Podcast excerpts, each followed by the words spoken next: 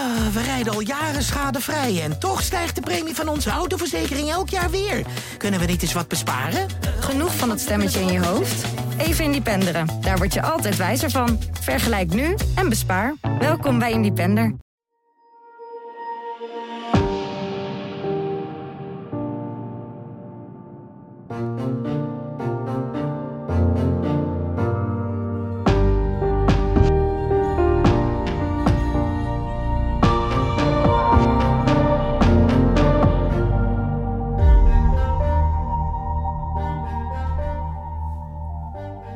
Welkom bij de eerste aflevering van de Zeeuwse Selectie, een podcast van de PZC. In deze podcast gaan we in gesprek met Zeeuwen die nog steeds actief zijn in de sportwereld of dat in het verleden zijn geweest. Welke kant we precies opgaan, dat moet de komende tijd duidelijk worden. Leuk dat je luistert.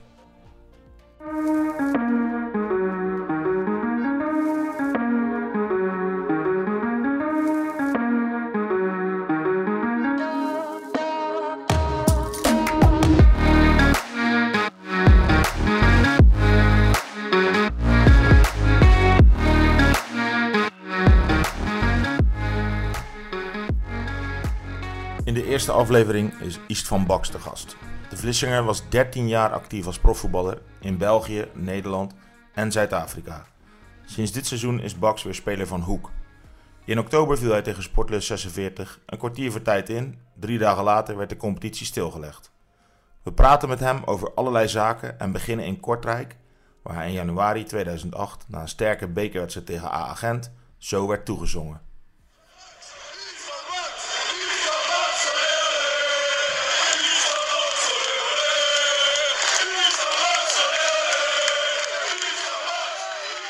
Welkom Istvan. Uh, wat is het eerste dat jou, bij jou naar boven komt als je aan die avond denkt? Ja, het was koud volgens mij. Het was ergens in januari. En uh, er waren twee busjes vrienden vanuit Vlissingen waren gereden voor mij voor die, uh, om naar die bekerwedstrijd te komen kijken. En ja, alles viel eigenlijk samen. Dat, dat hun er dan waren en ja, dat wij eigenlijk op een hoopje speelden en dat ik daarbij ook nog een hoofdrol had. Dus ja, dat is eigenlijk wat ik me herinner. En die jongens zaten echt achter de goal.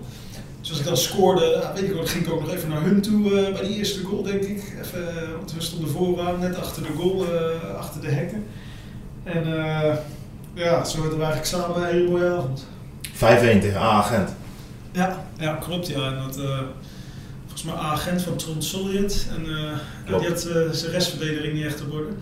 En ja, toen was eigenlijk van Hein van Hazenbroek eigenlijk een beetje upcoming trainer.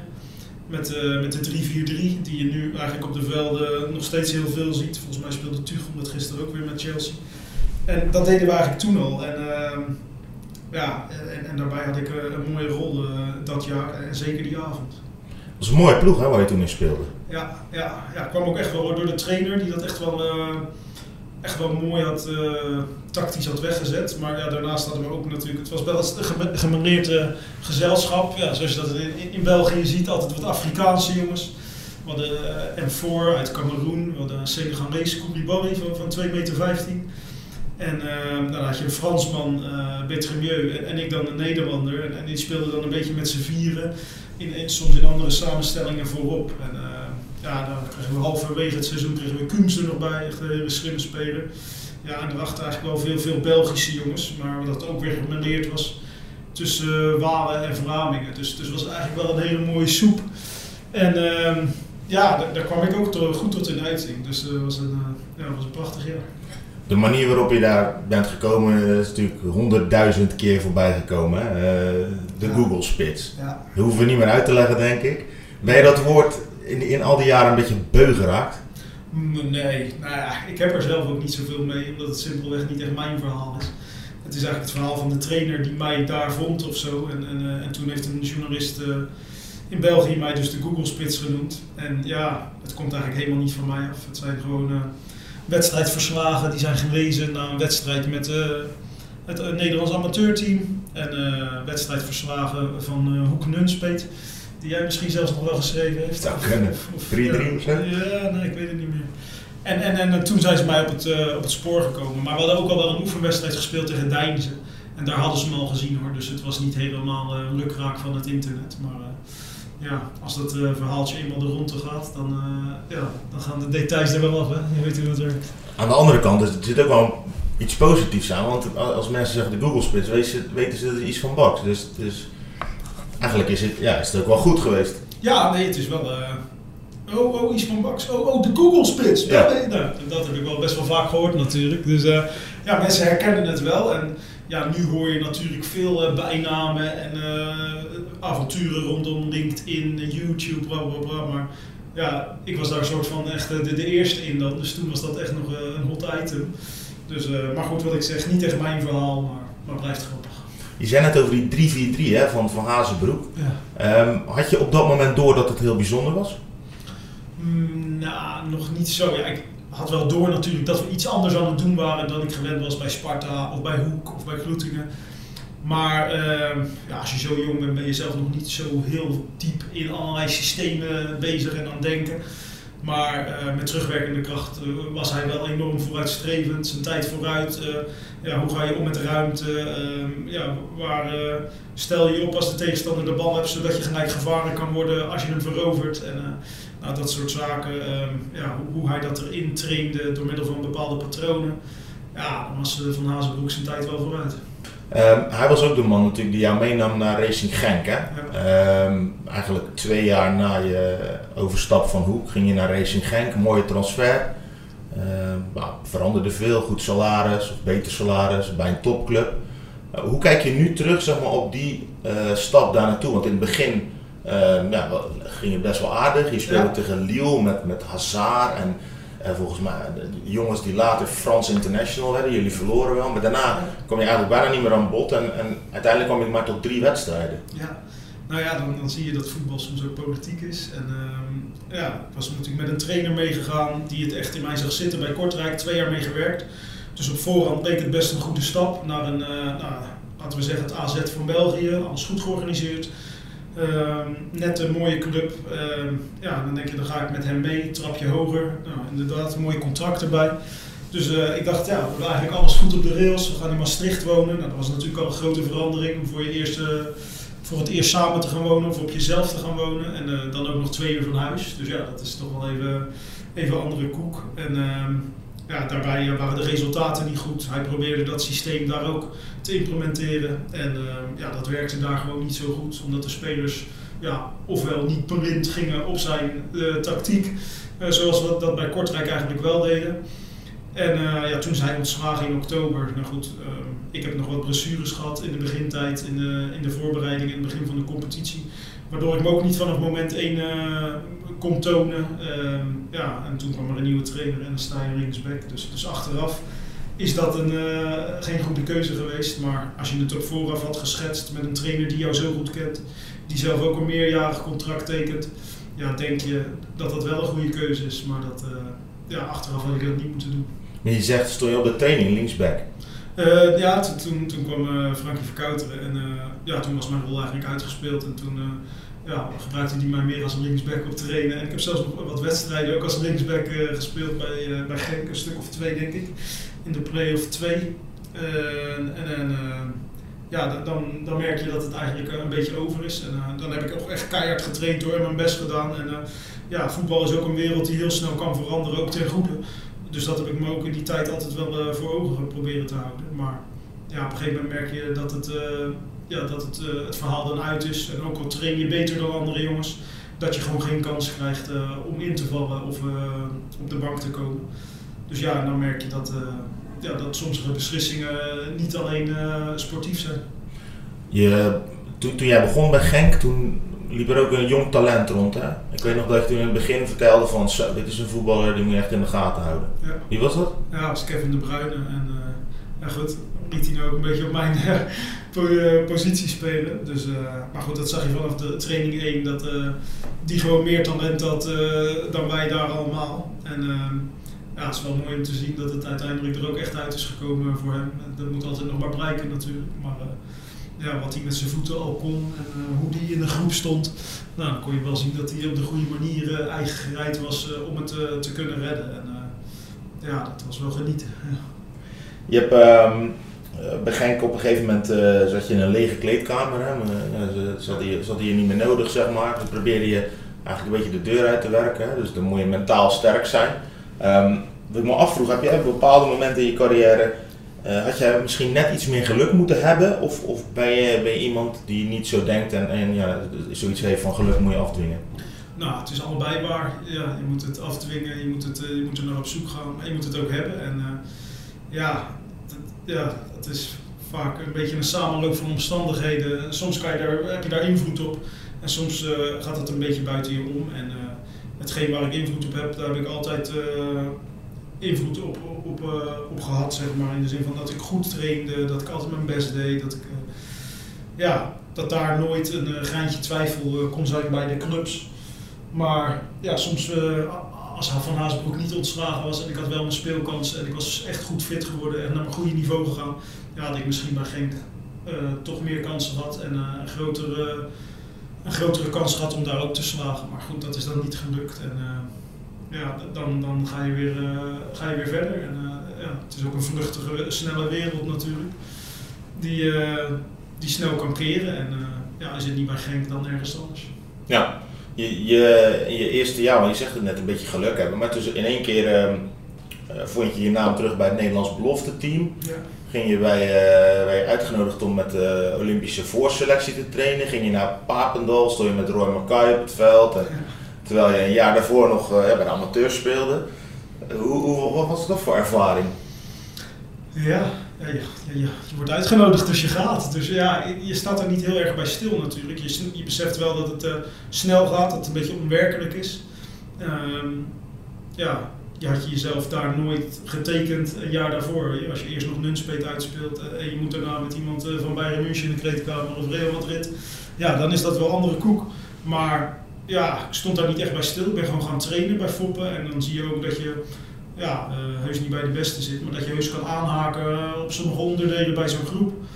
En uh, ja, dat, dat tekent dan nu, als ik er achteraf op terugkijk, dan ook wel gewoon de hele voetballerij. Weet je wel. De, de verschillen zijn niet altijd zo groot uh, zoals ze wel worden uitgemeten tussen ja, Jonathan Constantia en, en, en Royston Drenthe. Weet je wel. Dat, ja, dat had ook andersom kunnen zijn. Ja, denk je dat echt? Dat denk ik wel, ja. Ik, denk dat er, ik heb met jongens gespeeld in amateurvoetbal die qua aanleg uh, absoluut profvoetballer hadden moeten worden. Maar goed, uh, aanleg is niet alles bepalend uh, om te slagen als profvoetballer.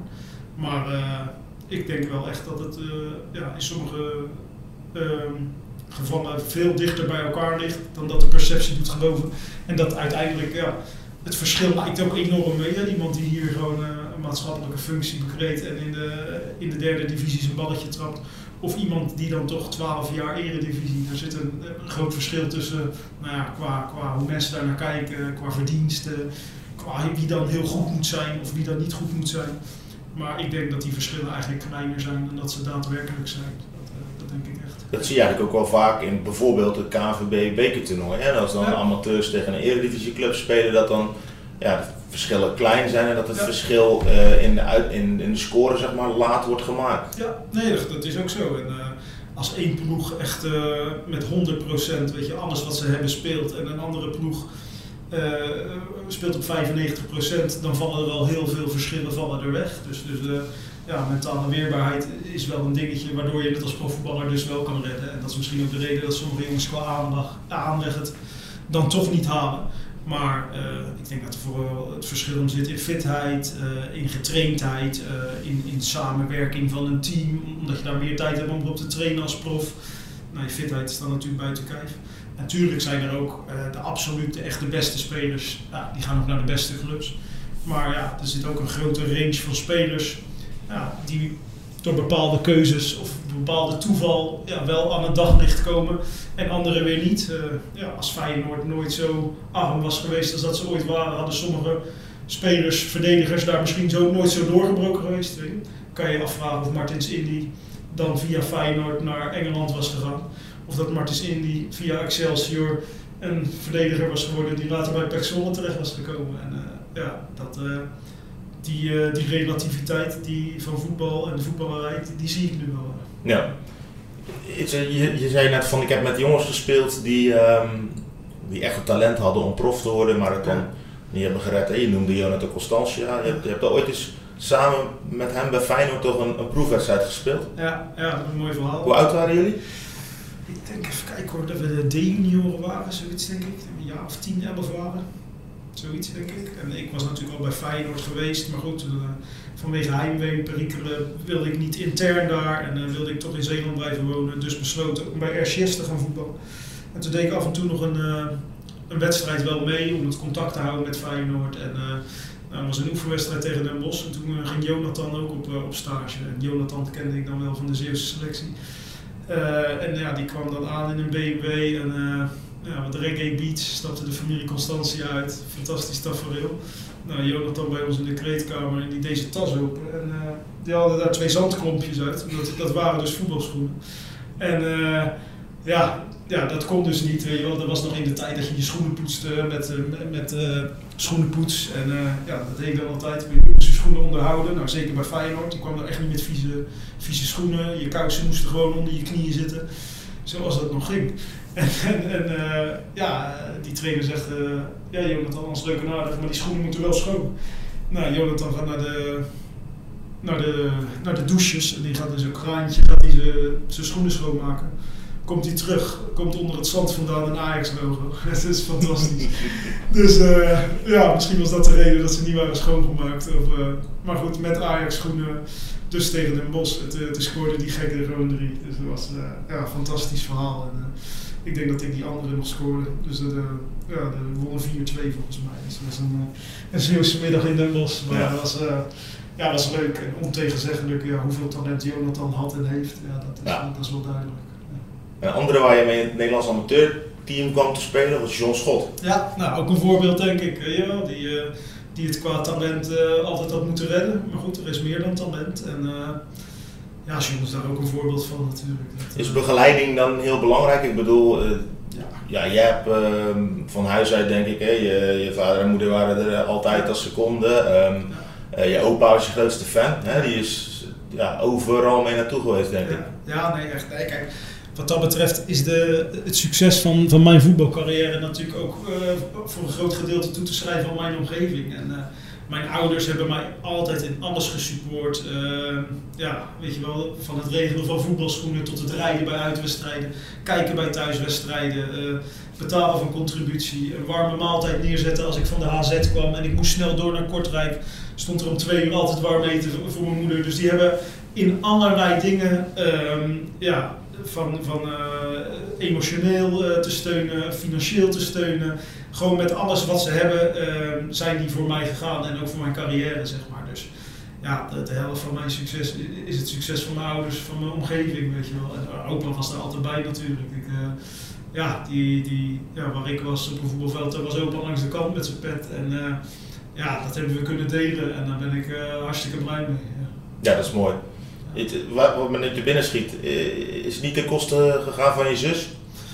Nou, dat zou je aan haar moeten vragen. Ik denk het niet. Mijn ouders die zijn echt heel erg van... Uh, uh, wat je zus krijgt, krijg jij ook. En wat jij krijgt, krijg je zus ook. Dus die, zijn, uh, die houden dat heel erg goed in de gaten. En ja, mijn zus heeft denk ik ongeveer 36 sporten geprobeerd, maar er was niet iemand die ergens echt bleef, bleef plakken.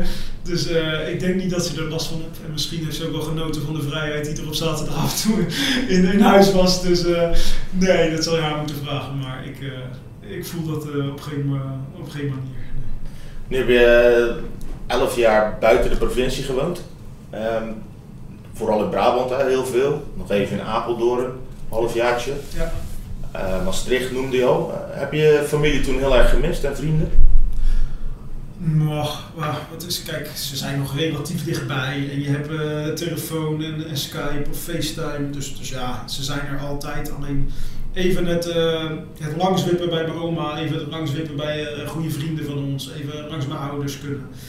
Ja, dat soort dingetjes, dat hebben wij wel gemist, weet je wel. De, de, de spontaniteit om eventjes langs sociale contacten te kunnen gaan ja, dat, dat heb je dan uh, wel gemist. Maar ja, we hebben er ook heel veel voor teruggekregen. En uh, we hebben andere gebieden, steden, landen, culturen mogen ontdekken. Nou goed, het is het een of het ander. En geen moment spijt van. Of ik heb nergens zitten treuren op een kamer dat ik ver weg was van. Nee, absoluut niet. Nee, nee. Ehm, ben je in al die jaren eigenlijk al brutaal genoeg geweest als je kijkt naar jouw carrière? Um, en heb je, dat heeft er misschien wel mee te maken, genoeg steun gehad van een zaakwaarnemer die, die echt uh, alles uit de kast haalde voor je? Ja, het is altijd ook een beetje. Alles begint natuurlijk een beetje bij je eigen karakter. Wie, wie je bent als voetballer, wie je bent als mens en uh, waar dat je brengt, dat heeft, ja, je karakter ligt er altijd onder. En ja, als wij met z'n tweeën op de doelman afgaat, dan komt mijn karakter tot uiting in de keuze die ik ga maken. Weet je wel? Ben ik egoïstische speler en ga ik, weet ik dat, weet je wel, mijn contractverlenging of die club zit op de tribune, dan ga ik voor eigen succes. Ja, en ik ben altijd zo geweest dat ik hem altijd breed leg. Dus um, ergens um, ben ik niet brutaal geweest, absoluut niet. Maar dat is ook een stukje bewustzijn. Ik heb natuurlijk nooit in een jeugdvoetbalopleiding gezeten, acht jaar lang, waar ik me heb moeten meten met een bepaalde mentaliteit. En uh, had ik dat wel gehad, dan was ik denk ik uh, bewuster geweest van, uh, van mijn kwaliteiten. En had dat me ook wel verder kunnen brengen, denk ik, in de voetballerij. En uh, ja, daarbij heb je natuurlijk ook inderdaad een zaakwaarnemer nodig. Nou ja, als je zelf wat meer bluft naar je omgeving, dus je, je teamgenoten, van geef mij die bal, geef maar. Of je eist dat ook al bij je zaakwaarnemer, van er moet wel nu echt wat komen, want ik weet gewoon dat ik goed genoeg ben. En dat heeft nooit in mij gezeten, dus dat is me uh, en dat is dan eventueel een rol van een zaakwaarnemer. Maar goed, dat ligt ook voor een groot gedeelte natuurlijk. Wie ben je zelf en hoe maak je je keuzes en hoe uh, kom je op voor jezelf? En uh, nou ja, daar had ik wel brutaler in moeten zijn achteraf gezien, zeker. Je bent op een gegeven moment ben je op proef geweest bij Preston North End. Ja, dat ja. vond je als voetbalromanticus, die je volgens mij bent, vond je het aan de ene kant prachtig. Aan de andere kant dacht je ook van, wat een voetbal is dit? Ja, nee, het was, een mooi verhaal. Ik, kom daar en ik word in een, een of andere bed and breakfast, een landelijke Noordwest-Engeland gezet. Prachtig hoor, maar ja, je waaide bijna van je kamer af, weet je wel, zoals het er altijd doet. En uh, we gaan uh, naar dat trainingscomplex, prachtig, zeven kortgemaaide veldjes.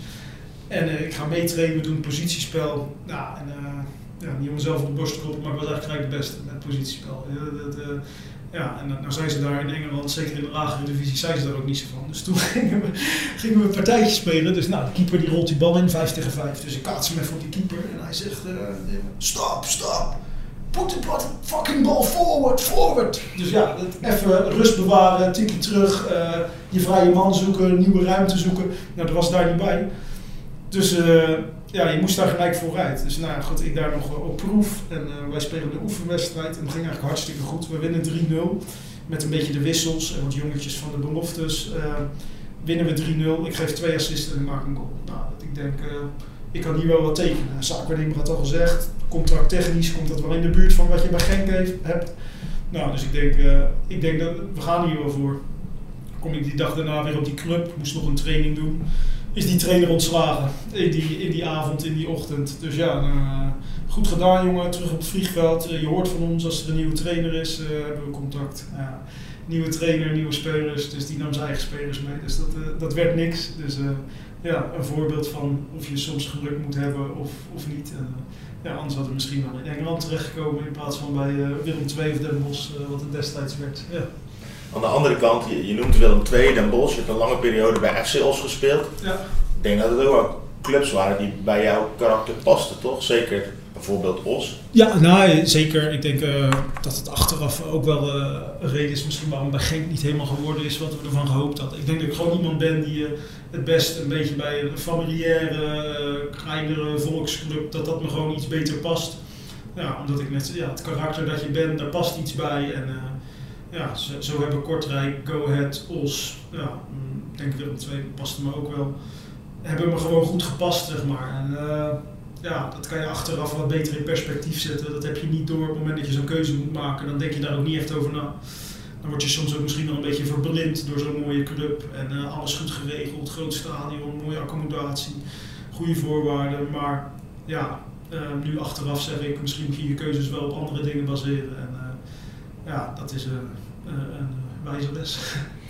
We hadden het net over brutaal zijn. Hè? Je, je hebt, in al die jaren heb je natuurlijk uh, een groot netwerk opgebouwd waar je eigenlijk, vertelde je wel eens, weinig gebruik van maakte. Tot je naar Go Ahead wilde. Ja, ja ik had natuurlijk bij AGOVV gespeeld en uh, de assistenttrainer Eh, Marco Hering, die werd nu assistent eh, bij Go Ahead. En eh, ja, ik vond eigenlijk dat het tijd was na vier jaar Os om nog, als ik nog een keer wat wilde, ja, een keer wat anders te doen met mijn voetbalcarrière. Omdat ja, het is gewoon verfrissend om af en toe in een andere omgeving terecht te komen. En toen heb ik eh, mijn stoute schoenen, of ja, goed, eh, aangetrokken en hem gewoon een bericht gestuurd van Marco, even tussen ons.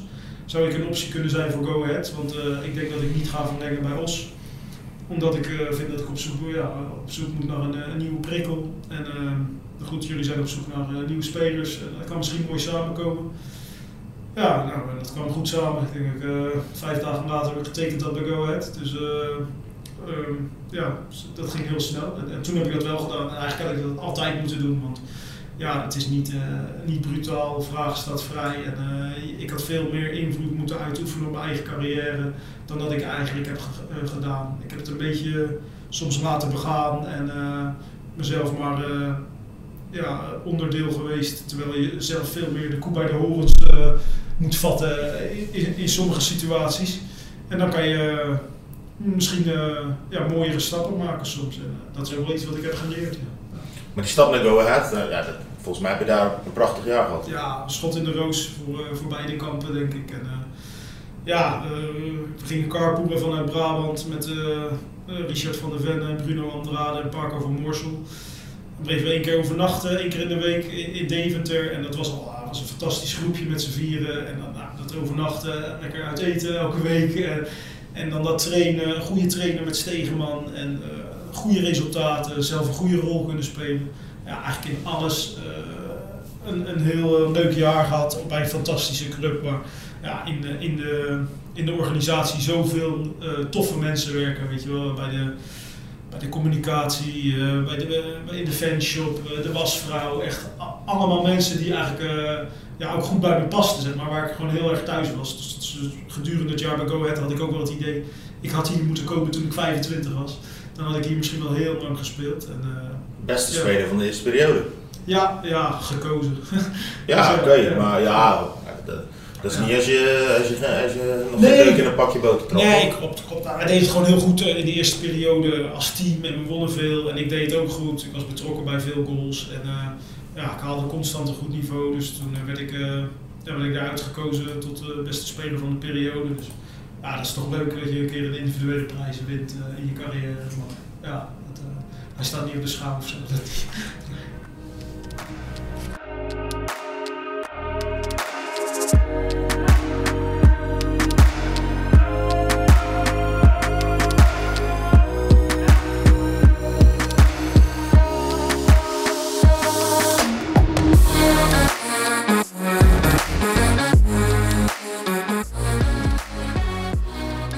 Go Ahead, topjaar, maar met een vreselijk einde. Hoe kijk je daarop terug? ja, die wedstrijd natuurlijk tegen Go Ahead, waarin we het net niet werden. eh, ja, Tegen RKC. Ja, tegen RKC, sorry. Ehm, ja, het was echt een, eh, een achtbaan van een wedstrijd. Ja, die echt oprecht de mooiste wedstrijd waar ik ooit onderdeel ben van geweest. Weet je wel, eh, als in een drama. Maar ja, wel aan de verkeerde kant van de medaille gestaan. Maar wel, ja, ik heb ook nog nooit gehuild om, om een voetbalwedstrijd, zeg maar. Maar die wedstrijd, op een gegeven moment, eh, ik was denk ik de laatste paar minuten zat ik op de bank of zo was ik gewisseld, gooiden we nog een lange spits erin of zo om te forceren. En ik had het gewoon niet meer, de spanning zeg maar, weet je wel. Want het ging zo heen en weer van, ja, ik was op een gegeven moment matchwinnaar, dus ik maakte de 3-2. En mijn jongensboek was eigenlijk geschreven en, en toen werd dat in rouw gedompeld. Toen hadden we het ineens weer en toen scoorden wij de 4-3 of zo. En ik had het niet meer, dus het kwam eruit, weet je wel. Ik moest huilen. En toen, toen stonden we nog voor. en toen kantelde dat dus nog naar, naar 5-4 verliezen uiteindelijk. Naar 4-4 dan, ja, die laatste, dat maakt allemaal niet meer zo. En dat, ja, het was onbeschrijfelijk ja, hoeveel emotie er dan in een, in een paar minuten eh, ja, voorbij komen. Weet je wel, rond je heen in zo'n stadion, wat eh, dan een surrealistische sfeer is. Ja, van euforie naar compleet eh, verdriet. En eh, ja, op een gegeven moment was dat zoveel in een paar minuten. Ik kon dat niet meer behappen, weet je. Ik kreeg dat niet meer bij elkaar verzonnen. Dus ja, ja, ik heb er echt nog wel even, echt nog wel even verdriet van gehad, zo net na die wedstrijd. En ja, op een gegeven moment ja, sta je volgende ochtend op, eh, sta je volgende ochtend op en nog een beetje surrealistisch. Het blijkt dat die trainer ineens naar Zwolle gaat. Ja. dus dat nieuws dat kwam weer over die, over die teleurstelling heen. En uh, ja, we hadden, die, die middag hadden we een afscheid bij uh, eigenlijk een seizoensafsluiting met, met Go Ahead bij de voorzitter thuis. En dat was een beetje ja, in een kasteelachtige setting, een, een, prachtig huis. En ja, dat was een, een sfeer. Ja, dat, ik weet niet of je de film Vesten hebt gezien. Nee. Een Scandinavische film. Nou goed, waar er een familie bij elkaar komt en waar er zoveel uh, problemen in relaties zitten, maar wat niet besproken wordt en waar iedereen toch uh, iets in stand probeert te houden wat betreft de seizoensafsluiting. Nou, dat leek daar wel. Er lag zoveel onder die dag en uh, ja, we stonden daar met z'n allen aan de staattafel tegen een kasteel aan te kijken. Het was compleet surrealistisch, maar ja, een heel gek einde natuurlijk van een prachtig jaar eigenlijk. Maar dan kom je eigenlijk ook weer op het punt dat je daarnet zei van, jij maakt 3-2, jullie Ja. maken 4-3. Op dat moment ga je naar de Eredivisie. Zou je Ja. voor het eerst, als ik het goed heb, in de Eredivisie gaan spelen? Ja, ja. Ehm, je, bij promotie was je contract automatisch verlengd. Hmm, dat denk ik niet. Ja, in ieder geval, dan, dan was de kans heel groot geweest dat je gewoon had gebleven. Ja, nou goed, daar, daar was ik zelf wel voor gegaan. Nou, tenminste, dat, ja, dat leek een ABC'tje. Ja. Maar jullie promoveren niet eh, en ja, je contract liep af en ja, toen? Nou, die trainer vertrok dus. Die Ja. trainer was eh, heel erg pro mij, om mij te houden in ieder geval. En dan komt een nieuwe eigenaar, een nieuwe groot aandeelhouder. En nou, met een nieuwe visie op de club. En nou, die wilde veel meer waarde gaan genereren op het veld. Dus dat betekent jongens met doorverkoopmarge. Ja, als je 32, 33 bent, dan is de doorverkoopmarge ja, eh, niet meer daar. En ehm, ja, dus, dus waren er eh, heel veel twijfels. Terwijl, eh, ja, dat is niet heel netjes gegaan. Eerst werd er natuurlijk uitgesproken, we willen verlengen met je. Nou, toen werd dat een, verlaagde aanbieding, waarbij ik eigenlijk gewoon een goed seizoen had. En ik zat al niet aan de bovenkant van het salarishuis. Ehm, nou, toen ben ik best wel lang aan het lijntje gehouden eigenlijk door de club. Ehm, ja, tien dagen voordat de, de voorbereiding begon en er eigenlijk in de kranten nog geschreven worden dat Go Ahead verder wilde met Bax. Ehm, ja, had ik eigenlijk nog steeds geen eh, volgende aanbieding op zak nadat ik die eerst had afgewezen. En er was er ook helemaal geen contact van iets van eh, er komt iets aan of we willen nog steeds graag dat je blijft. Er was complete mediastilte. En eh, ja, dat is niet iets wat je verwacht nadat je zo'n goed gevoel hebt en zo'n lekker jaar hebt gedraaid met elkaar. Dus ehm, ja, gedurende die, die weken ehm, verwijderde dat mij ook een beetje van mijn keuze om bij Go Ahead te blijven. Dat ik dacht, het moet wel goed voelen. En ehm, ja, als je het op een gegeven moment niet meer voelt, ja, dan voel je het niet meer. En toen heb ik nog wel een keer geprobeerd, op initiatief van mij, om een keer met die nieuwe voorzitter eh, of groot aandeelhouder te gaan zitten. Nou, hoe hij er dan naar keek. En uiteindelijk kwam er dan hetzelfde voorstel uit als het jaar daarvoor. Maar ja, in dat gesprek sprak hij ook van, eh, ja, ik wil liever dat er jongere spelers eh, op het middenveld staan die we door kunnen verkopen. Maar goed, weet je wel, we zijn ook positief over jou, we willen je wel graag houden. Maar eh, je bent bijvoorbeeld ook een jongen die niet gaat lopen muiten als je op de bank komt. Dus ja, allemaal dat soort dingen kwamen dan bij mij binnen dat ik denk, je praat nu eigenlijk die jongen die het hartstikke goed heeft gedaan. Ik was genoemd tot beste speler van het seizoen. Voor wat dat, dat dan ook waard is. Maar dat betekent in ieder geval dat je niet slecht hebt gedaan. En ehm, dan zeg je tegen mij, ja, jij gaat niet lopen muiten als je, als je op de bank komt. Nou goed, dat zijn dan van die zinnen die beklijven dan een beetje bij mij. En dat ik denk, ja, ik moet wel echt gewenst zijn ergens om ergens te willen blijven. En eh, ja, ook al was het contract dan hetzelfde als het afgelopen jaar. Nou, op een gegeven moment voelde ik het gewoon niet meer. En dan dacht ik, ja, hier moet ik gewoon eigenlijk niet aan meewerken. En, eh, dus, dus toen heb ik zelf besloten om eigenlijk eh, niet meer verder te gaan bij Go Ahead. En, ja, wel heel jammer. Ik denk als hij niet was gekomen en de andere voorzitter was eh, gebleven, dat ik 100% zeker eh, mijn contract bij Go Ahead had verlengd. Maar, eh, maar goed, eh, soms moet wel zoiets eh, gebeuren zodat er iets anders kan ontstaan. En daarna nou kwam dan eh, na twee weken Spakenburg kwam, kwam Kaapstad. En Ja. ja, eh, achteraf eh, dus hartstikke goed geweest. Maar ja, Spakenburg, dat leek eigenlijk je profcarrière voorbij. Ja, Eh, nou, ook een mooie club om, om voor te spelen. Ik denk dat de voorwaarden ook eh, prima waren. Hè?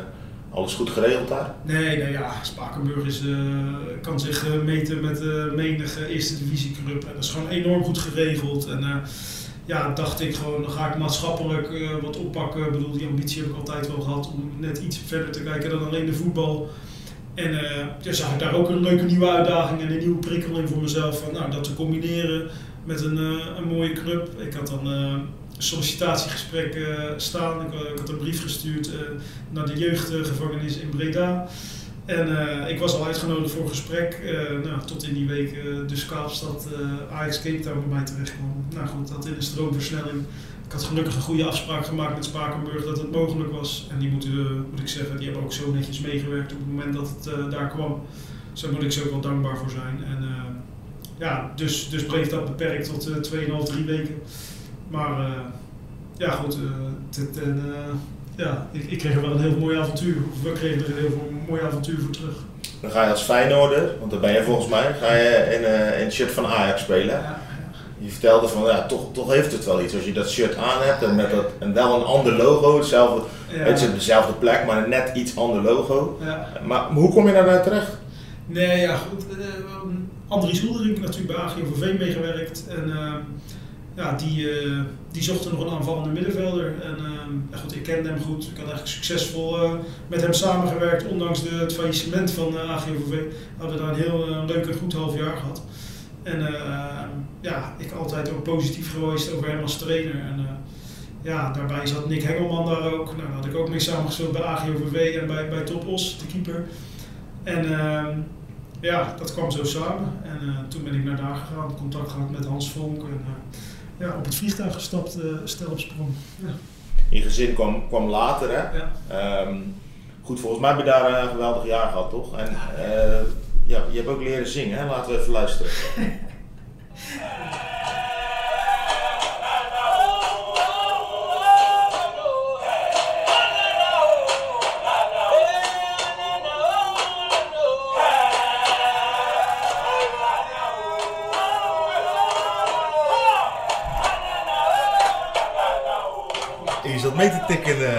tuurlijk. Nou, kijk, als er iets fantastisch is aan de voetbalcultuur van Zuid-Afrika, dan is het wel uh, het zingen rondom een wedstrijd. En uh, ja, dat gaat daar met zoveel meer, meer passie dan, die, dan die koptelefoons bij ons. Weet je wel, dat is iets saamhorigs. Dat, ja, het saamhorigheidsgevoel komt daar samen. Dat je samen iets aan het doen bent en dat we samen naar buiten gaan straks om iets te bereiken met elkaar. En, ja, als je dat dan wegzet tegen een, uh, een box van de mediamarkt of, uh, of een koptelefoon, ja, dan, uh, dan weet ik wel wat ik zou kiezen.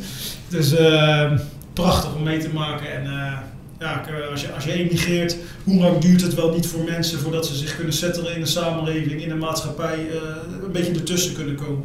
Als voetballer word je gelijk in een groep gegooid, waardoor je gelijk meedraait, ertussen zit. Ja, en, dit is een onderdeel daarvan, daar mag je gelijk mee meedoen. En dat heb ik ook gedaan. Was het in sportief opzicht ook uh, een, een, jaar waar je met genoeg op terugkijkt? Of denk je van, nou, dat, dat, dat, dat had ik meer uit moeten halen? Of? Nou ja, het was natuurlijk een beetje rommelig. Ik had niet echt een fatsoenlijke voorbereiding. Ik ging nog met een, uh, een longontsteking die kant, antibiotica kuur. En het was een beetje een rommelige opstart zo allemaal. En, de voetbal, manier van voetballen in, in Afrika, ja, dat, dat kennen we allemaal als we de Afrika Cup kijken hier. Is compleet anders als, uh, als in Nederland. En, uh, ja, dan zie je ook dat je door de jaren heen eigenlijk een Nederlandse speler bent geworden. En uh, ja, ik heb daar heus wel uh, goede momenten gekend op het veld.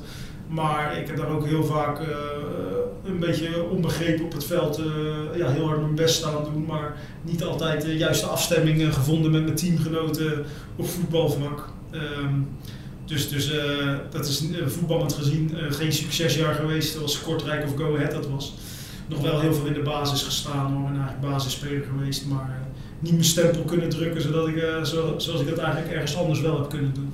Maar je hebt wel, uh, want Hengelman is volgens mij een hele goede vriend geworden. Mm -hmm. was hij al een beetje, maar daar is het nog, nog meer versterkt. Je, je kwam natuurlijk ook in een lockdown terecht, waar, waar jullie ja. met de twee gezinnen een huis huurden voor ja. vijf, zes weken. tuin erbij, weet je, trainen met z'n allen. Um, um, dus eigenlijk naast het veld heb je ondanks die lockdown volgens mij wel een, een, een prachtig jaar gehad. Ja, ja, ook de lockdown was onderdeel van het avontuur, zeg maar. Dat, dat was, uh, ja, Zuid-Afrika, Kaapstad en omgeving, de Westkaap als provincie is echt fantastisch. Dus, dus als iemand ooit er dan naartoe gaat, dan heb ik wel een paar tips. En uh, ja, het is gewoon zo'n mooie omgeving, um, hoe de kust, uh, de bergen, de stad daar samenkomen. Nou, dat, dat heeft, die combinatie heeft zoveel te bieden. Daarnaast natuurlijk wat je ervan kan leren als je in een land van Zuid-Afrika terechtkomt als gezin. ja, daar kan je natuurlijk enorm veel van leren. de kinderen, wij, ja, ook, ook je leert ook weer heel veel over je eigen land, hoe, goed hier de, sommige dingen eigenlijk geregeld zijn en hoe welvarend we zijn. En, ja, het is ja, voor iedereen wel eens goed om een keer buitenlander te zijn ergens. En, dat, daar ben ik wel heel blij mee dat wij dat hebben kunnen ervaren. Bij Ajax Cape Town speelde je je laatste wedstrijd als prof. Ehm, jullie grepen naast promotie. Ben je uiteindelijk tevreden over de profcarrière die je hebt gehad? Jawel. Ja, ja, ik ben vooral ik ben er wel dankbaar voor, zeg maar. Dat ik zo 15 eh, jaar uh, mijn hobby heb kunnen uitoefenen. Dat we daardoor uh, een paar keer hebben kunnen verhuizen, wat gebieden hebben leren kennen. En jawel, daar, daar, ben ik, daar kijk ik met heel veel vrede op terug, absoluut. Maar soms denk ik wel dat er sportief nog wel wat meer in het vat had gezeten. Als ik inderdaad brutaler had geweest. Of meer voor mijn geluk was gegaan. Wat meer de. Ja, wat meer. Uh, iets minder bijrijder was geweest en iets meer achter het stuur had gekropen, zeg maar. Ik denk dat dat eigenlijk wel de situatie een beetje omschrijft. Dan denk ik dat er misschien nog wel iets meer in het vat had gezeten op sportief vlak. Maar goed, ja, wat ik, wat ik al, al zei, zeg maar. Je bent als speler ook het karakter dat je bent. En ja, daar, daar ben ik erg zo blij mee hoor, dat ik, uh, dat ben wie ik ben. Maar dat heeft ook zijn ja, mindere kanten natuurlijk. En uh, die komen dan ook wel tot uiting in zo'n carrière. Je keerde in oktober uh, terug uit Zuid-Afrika, september keerde je terug, in oktober kon je weer voetballen. je besloot bij Hoek te gaan spelen, een paar trainingen, een invalbeurt van een kwartier. En daarna was het vanwege de pandemie weer over een sluiten. Je had graag willen blijven trainen met de groep, want dat mocht. Alleen gebeurde het niet in een hoek ja, hoe, hoe teleurstellend was dat? Ja, kijk, uh, nu, nu je het verlopen weet van een lockdown en hoe lang het heeft aangehouden, ja, had het natuurlijk toch een beetje trainen voor niks geweest. Maar op het moment zelf denk je wel van, wij zijn de meest ambitieuze club van, uh, van Zeeland. En uh, ja, als we dat ook waar willen maken, dan moeten we er wel klaar voor zijn op het moment dat we weer mogen. Er is nog veel te winnen, in welke vorm die, die, die competitie dan ook doorgaat. Ja, dan moet je zorgen dat je er klaar, bent, klaar voor bent. En, ik denk dat je de kans wel groter maakt dat je er klaar voor bent als je wel uh, traint met elkaar dan dat je niet traint. En uh, dus vandaar, vandaar dat ik wel gewoon de, de wens had om eigenlijk om te blijven trainen als, als groep. Maar goed, het, ja, er is niet voor gekozen door het, door het bestuur, geloof ik. En ja, daar heb je je dan bij neer te leggen. Dus heb je jouw kennende zelf getraind? Individueel of samen met iemand? Ja, ik heb nog wel wat uh, getraind samen met Ferry Alfons. Uh, en uh, ja, ehm, verder doe ik natuurlijk uh, de JVOZ en dan blijf ik na de training nog wel eens even een uur voor mezelf ja, veel loopwerk doen en wat met de bal. Dus ja, ik blijf absoluut bezig. Want ik wil geen dik middenveldje worden als we weer gaan beginnen. Dus, dus dat, dat hou ik wel in de gaten. Maar ja, het is natuurlijk wel inmiddels al heel lang dat we niet meer in groepsverband echt aan het voetballen zijn. Dus het zal wel weer uh, even schakelen zijn als we straks weer mogen. Ferry Alfons noem je, dat is dus een van de vrienden die je hebt overgehouden aan het voetbal. Hoe heb je hem leren kennen?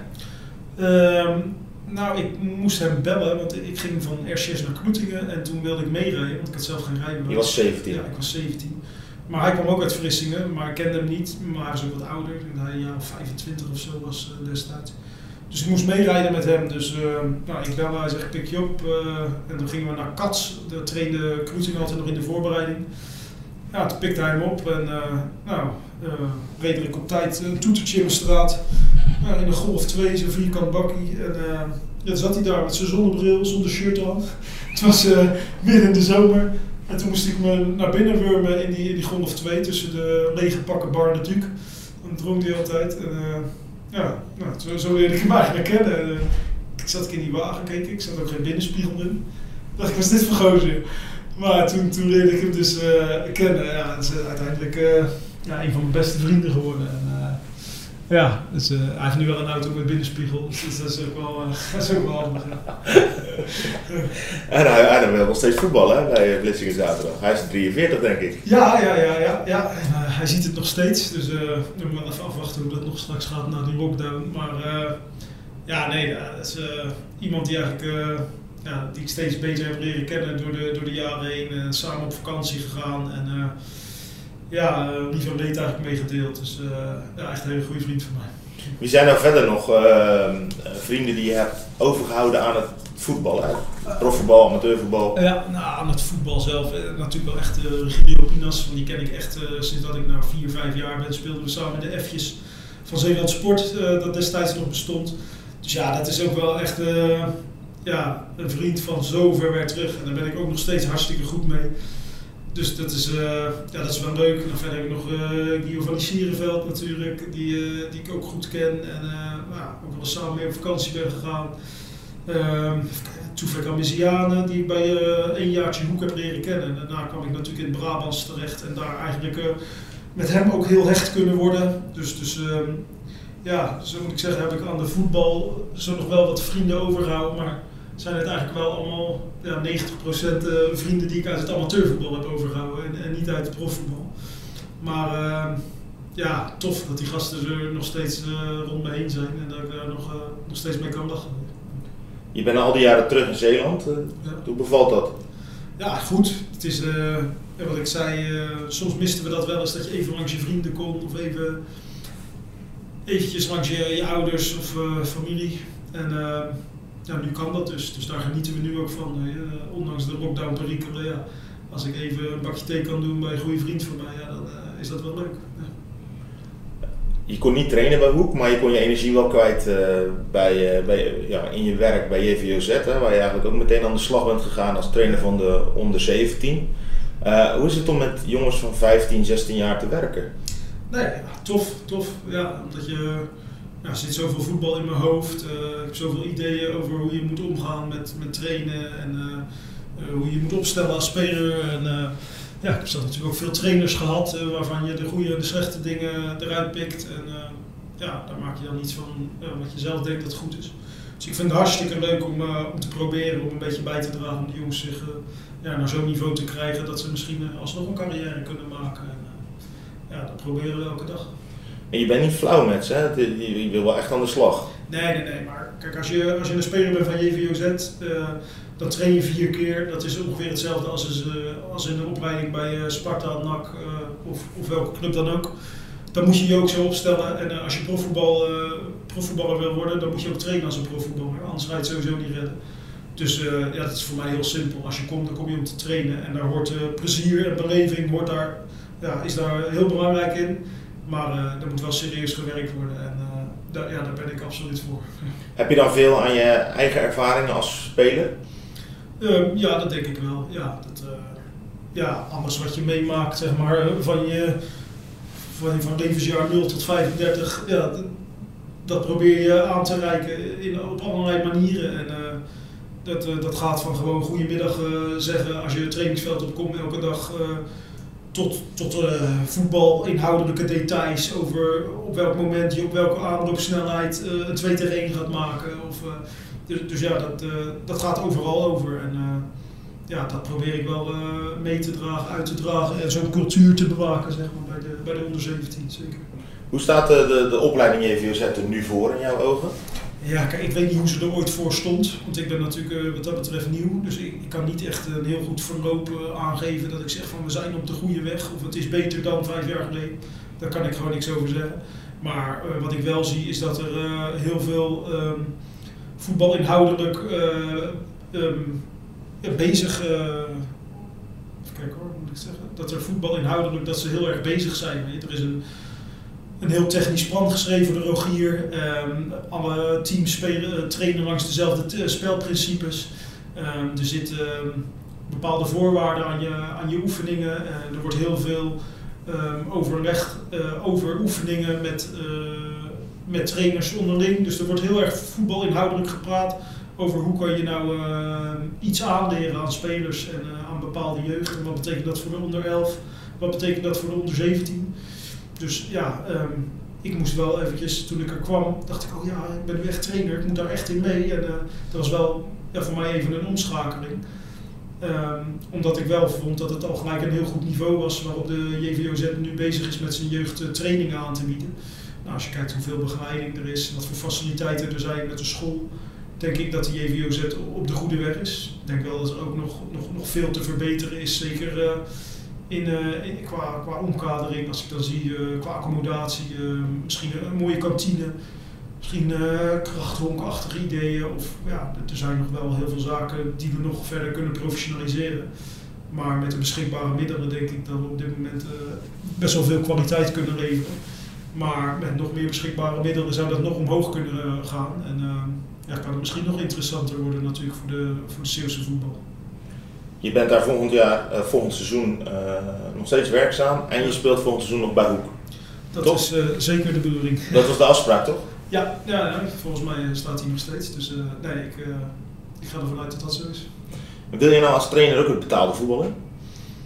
Um, ja, weet ik niet. Moet een beetje lopen. Uh, als er op een gegeven moment een, een keer een moment komt dat je die sprong kan maken, het momentum is juist, dat klopt ook met thuis. Ja, dan zou het wel kunnen dat dat ooit nog gaat gebeuren. Maar ja, aan de andere kant ben ik nu ook uh, bezig om maatschappelijk uh, een, uh, een, functie te gaan bekleden. En ja, in een combinatie van die twee zie ik ook heel veel. Dus ja, geen per definitie ja, maar ook zeker geen per, per definitie nee. Want je gaat nu aan een baan beginnen, 16 uur in de week. Ja, dat is de bedoeling om 16 uur in de week ja, als begeleider in de forensische zorg reïntegratietrajecten voor ex-gedetineerden te, te gaan draaien. En, ja, dat is iets wat ik gedaan heb um, toen ik bij Kortrijk speelde. Ja, toen bij Kortrijk speelde heb ik daar mijn stage gelopen. Dus um, ja, dat is iets wat ik, wat ik met heel veel plezier altijd heb gedaan. En um, ja, nu, nu lijkt het erop dat, ik, dat we waarschijnlijk weer gaan doen. Dus uh, ja, we hopen dat het goed komt. Aan welke trainer of trainers bewaar je nou de beste herinneringen? ja, van Hazenbroek sowieso heel erg goed. Uh, voetbal inhoudelijk, maar ik moet zeggen ook als mens vond ik uh, echt prima. Uh, heel eigenwijs, maar ik denk dat, dat je dat ook wel nodig hebt om, om je visie een beetje gewicht te geven. En ja, dacht over alles na, van spelregels tot trainingen. En ja, had overal een gefundeerde mening over. Ja, vond ik wel echt een goede trainer. Ik moet zeggen, ik ook wel fijn heb samengewerkt met Stegeman, die ook heel duidelijk was. Um, heel erg vasthoudend aan zijn voetbalidee. Maar ja, dat, vond ik ook wel, uh, ook wel echt een goede trainer.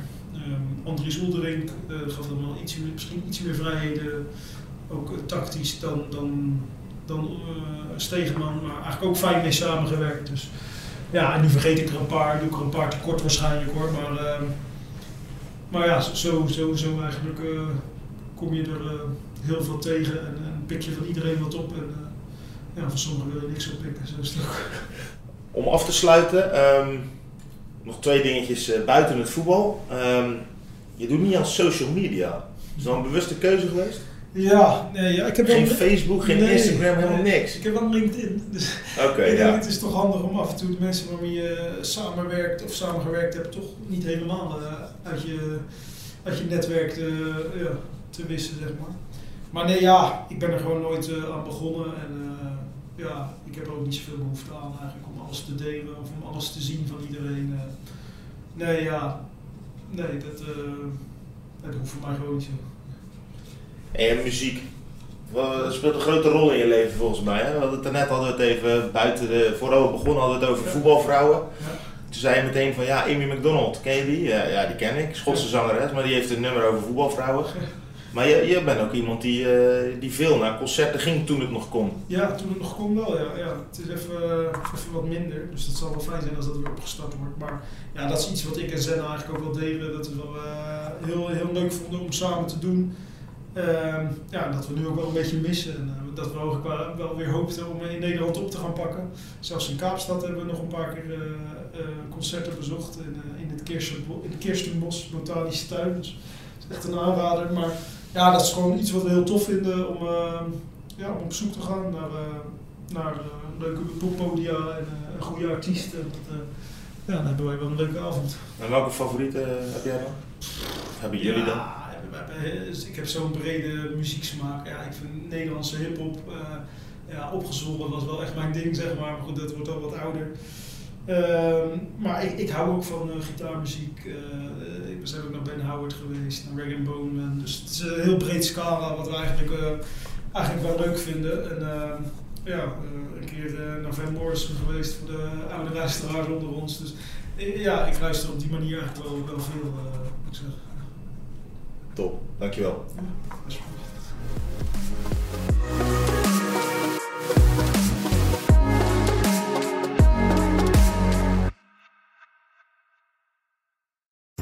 We worden dagelijks overladen met overbodige informatie. En het is moeilijk de zin van de onzin te scheiden. Daarom vertrouw ik op echte journalisten in plaats van meningen.